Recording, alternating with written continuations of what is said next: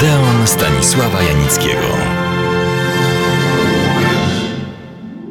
Już nie pamiętam, jak trafiłem na ślad tajnego kina Zyzio. Było to prawie 30 lat temu.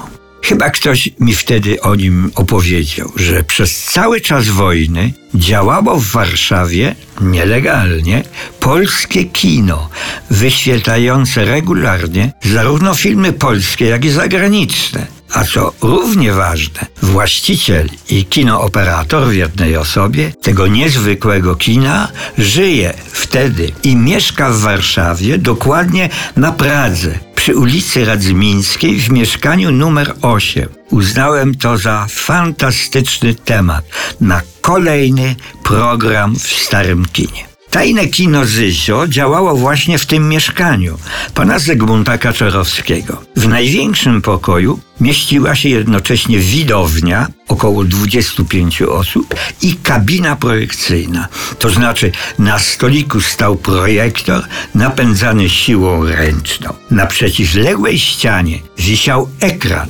wykonany z papieru rysunkowego. Nad nim widniał napis palenie surowo wzbronione. Kasa znajdowała się w przedpokoju, a poczekalnia w jednym z bocznych pokoi. Bilety były nieco droższe od tych w kinach niemieckich. Przypomnę, że obowiązywała zasada, że tylko świnie siedzą w kinie, choć dzieciarnia i nieco starsi wielbiciele dziesiątej muzy czasami zasadę tę potajemnie i ze wstydem łamali. Cały dochód ze sprzedaży biletów przeznaczał pan Kaczorowski na prasę podziemną.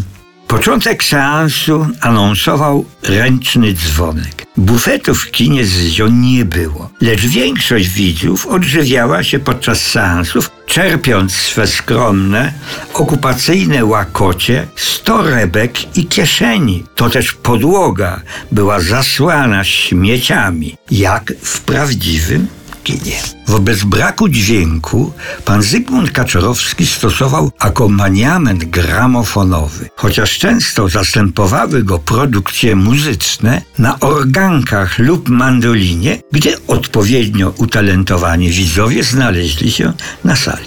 Gorzej było z dialogami, przede wszystkim w filmach polskich, bo zagraniczne miały napisy. Na widowni zawsze jednak znajdował się ktoś, kto widział ten film przed wojną. I ten objaśniał, o co właściwie chodzi Brodziszowi. Dlaczego Cybulski, Mieczysław Niezygniew, jest bliski płaczu lub o co Bodo kłóci się z Świglińską. Ze względu na bezpieczeństwo i szczupłość repertuaru, seanse odbywały się tylko raz w tygodniu, ale regularnie od 1940 do 1944 roku. Skąd jednak właściciel tajnego kina Zyzio miał filmy? Głównym źródłem była zbiornica złomu filmowego. Niemcy przerabiali taśmy na przysłowiowe grzebienie, a tak naprawdę odzyskiwali bardzo cenny surowiec. Z tej zbiornicy udawało się wydobyć w różny sposób niejedną kopię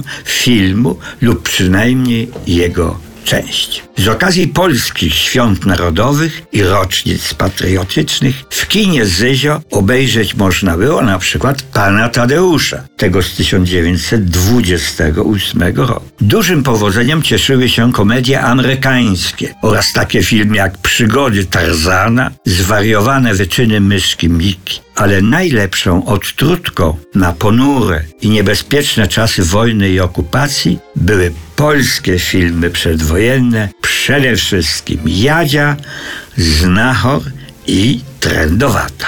Seanse odbywały się mimo nalotów, ulicznych łapanek, godziny policyjnej i wyłączeń prądu. Ostatni seans tajnego kina Zyzio odbył się w końcu lipca 1944 roku, tuż przed wybuchem Powstania Warszawskiego. Podczas pauz dla przewinięcia i zmiany rolki filmu ostatniego seansu widzowie obserwowali z okna poczekalni inny, radosny film, przewijający się po ulicy, przedstawiający gwałtowną ewakuację wojsk niemieckich ze wschodnich okolic Warszawy.